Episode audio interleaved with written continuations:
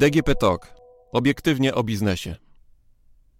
Pracownicze plany kapitałowe, czyli sposób na długoterminowe oszczędzanie. Pracownicze plany kapitałowe, czyli PPK, są nowym sposobem długoterminowego gromadzenia oszczędności. PPK mają na celu zwiększyć poczucie stabilizacji finansowej obywateli, wpłynąć na rozwój gospodarki i przedsiębiorstw oraz pomnażać prywatne oszczędności pracowników. System wzorowany jest głównie na doświadczeniach Wielkiej Brytanii, gdzie podobny program działa od lat.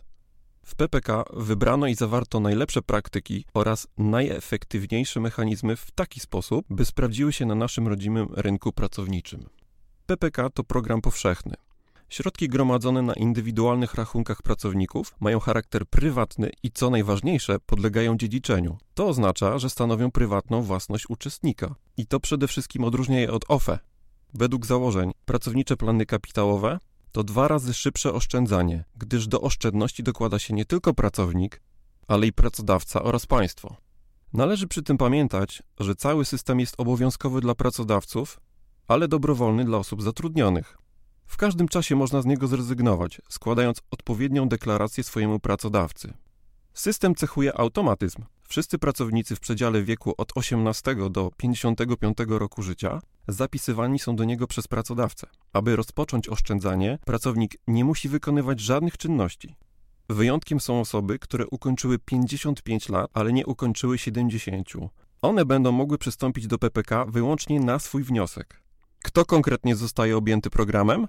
PPK dotyczą osób podlegających obowiązkowo ubezpieczeniom emerytalnym i rentowym, a więc dotyczą wszystkich osób zatrudnionych. Zatem do grupy należą zarówno pracownicy zatrudnieni na umowę o pracę, zleceniobiorcy oraz wykonujący pracę nakładczą, czyli chałupniczą. Poza tym system wspiera też członków rolniczych spółdzielni produkcyjnych lub spółdzielni kółek rolniczych, członków rad nadzorczych wynagradzanych z tytułu pełnienia tych funkcji. PPK obejmują również wszystkie wymienione osoby, i tu z wyjątkiem członków rad nadzorczych, przebywające na urlopie wychowawczym lub pobierające zasiłek macierzyński lub zasiłek w wysokości zasiłku macierzyńskiego. PPK dotyczą też zatrudnionych w Polsce cudzoziemców, bo ustawa o pracowniczych planach kapitałowych nie różnicuje pracowników ze względu na narodowość. Pracodawca ma obowiązek wdrożyć PPK w firmie, m.in. podpisując umowę zarządzanie oraz umowę o prowadzenie PPK z wybraną instytucją finansową, np. z Towarzystwem Funduszy Inwestycyjnych. Termin, w którym dany pracodawca zobowiązany jest do wprowadzenia PPK, jest uzależniony od liczby osób zatrudnionych u tego pracodawcy.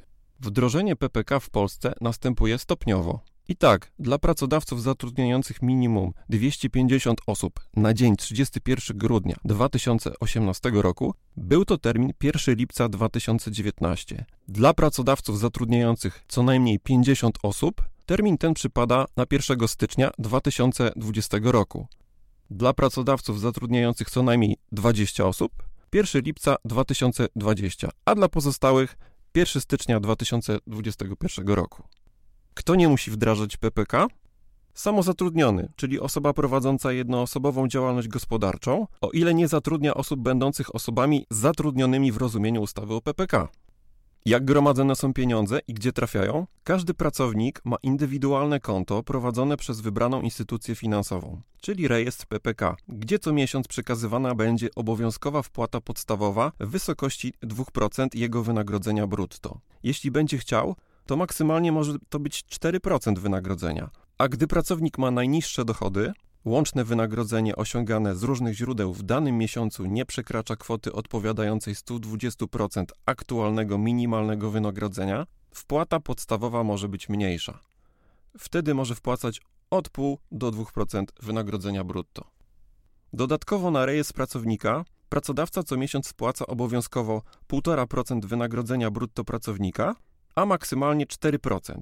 Pozostałe 2,5% to opłata dobrowolna. Ta część wpłaty na rejestr PPK pracownika finansowana jest ze środków własnych pracodawcy, więc nie wolno mu potrącać tej kwoty z wynagrodzenia swojego podwładnego. Wpłaca również państwo. Jednorazowo na powitanie jest to kwota 250 zł. W danym roku kalendarzowym uczestnik PPK otrzymuje także dopłatę roczną do PPK w wysokości 240 zł, która finansowana jest z Funduszu Pracy. Najważniejszym mechanizmem cechującym PPK jest to, że pieniądze, które trafiają na rejestry, są inwestowane. Wybrane instytucje finansowe będą lokować środki gromadzone na rachunkach PPK w fundusze inwestycyjne, które z kolei różnicują poziom ryzyka w zależności od wieku uczestnika. Mowa tu o funduszach zdefiniowanej daty, czyli o zależności od daty urodzenia. Im starszy uczestnik, tym poziom bezpieczeństwa inwestycji ma być większy. Co ze zgromadzonymi pieniędzmi?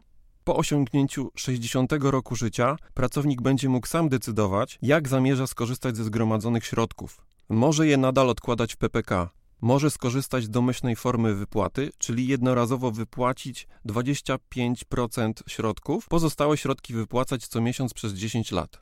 I tu uwaga, wypłata w tej formie będzie zwolniona z podatku od zysków kapitałowych.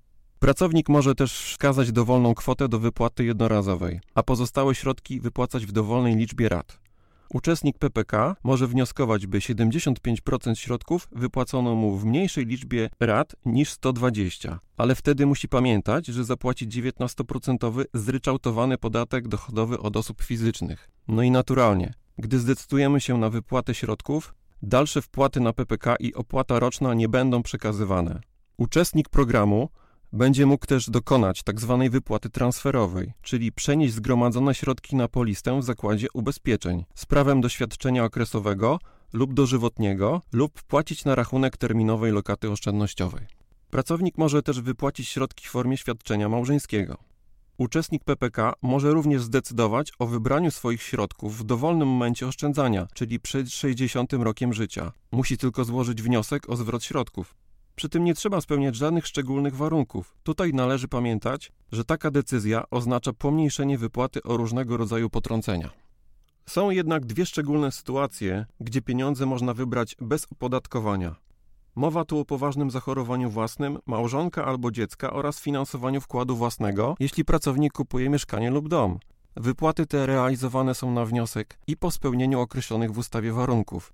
Dodatkowo wypłatę na wkład własny trzeba będzie oddać z powrotem do swojego PPK.